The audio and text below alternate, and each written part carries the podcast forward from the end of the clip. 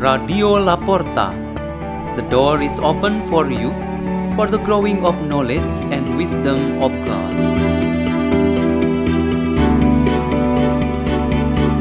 Delivered by Grace Esmeralda Loupatty and Jeane Jacklyne from St. Peter's School in Jakarta, Indonesia.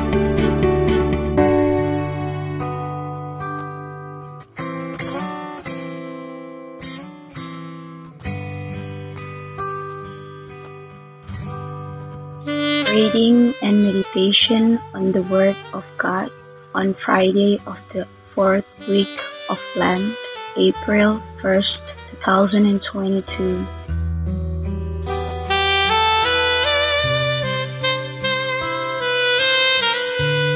The reading is taken from the Holy Gospel according to John. Jesus moved about within Galilee. He did not wish to travel in Judea because the Jews were trying to kill him. But the Jewish feast of tabernacles was near.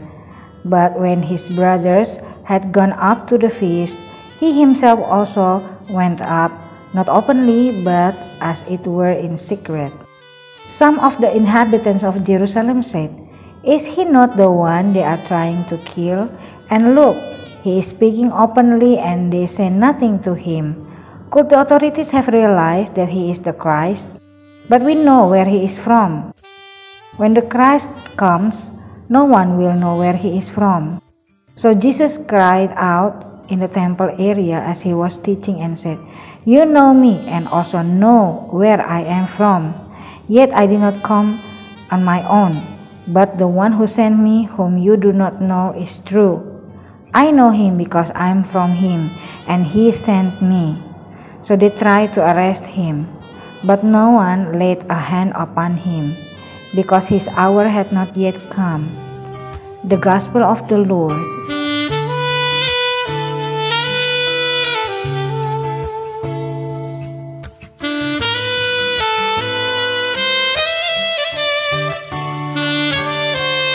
The theme of our meditation today is His time does not yet. Soon we will celebrate the Holy Week. It's about two weeks from now.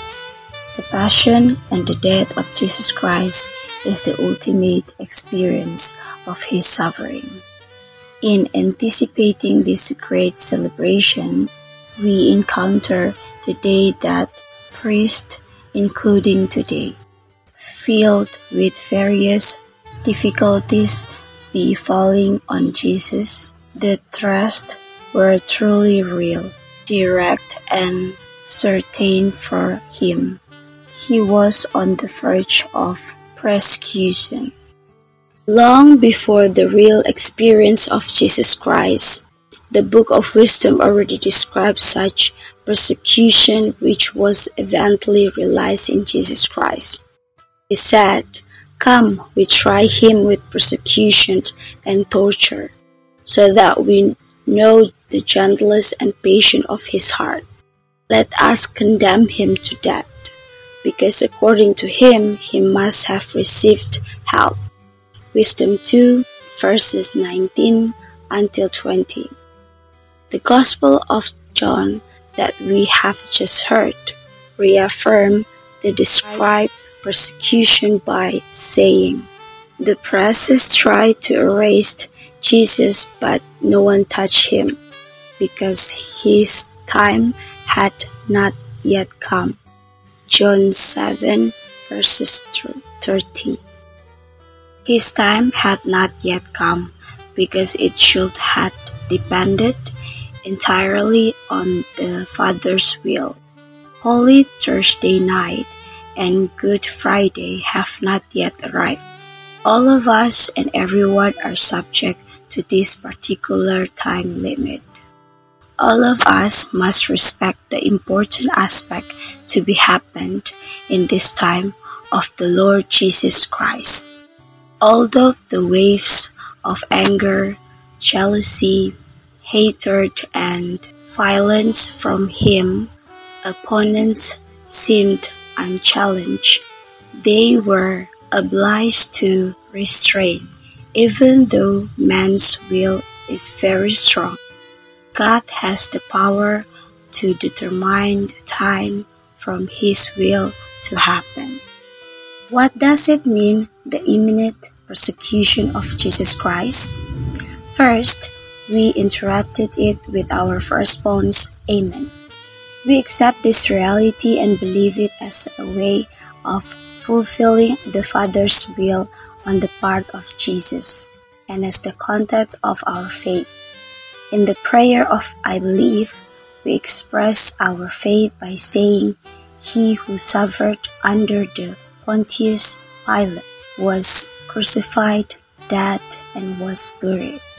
We agree and accept this evil treatment toward Jesus, which means we also accept the Lord's teaching and invitation to follow Him in every moment of suffering that we face in our lives. We also interpret it as our act of faith, which means without fear and doubt, we continue to maintain the truth and wisdom in our faith, responsibility to take part in God's work. Usually, the temptation for those who are in a situation of suffering and persecution is a fear and eventually surrender to the influence of the tempter. This is what an authentic follower of Christ should not do. In an imminent trial or persecution, we do have courage to cry out. Our courage and willingness to face is only for the sake of our participation in the way of our Lord Jesus Christ.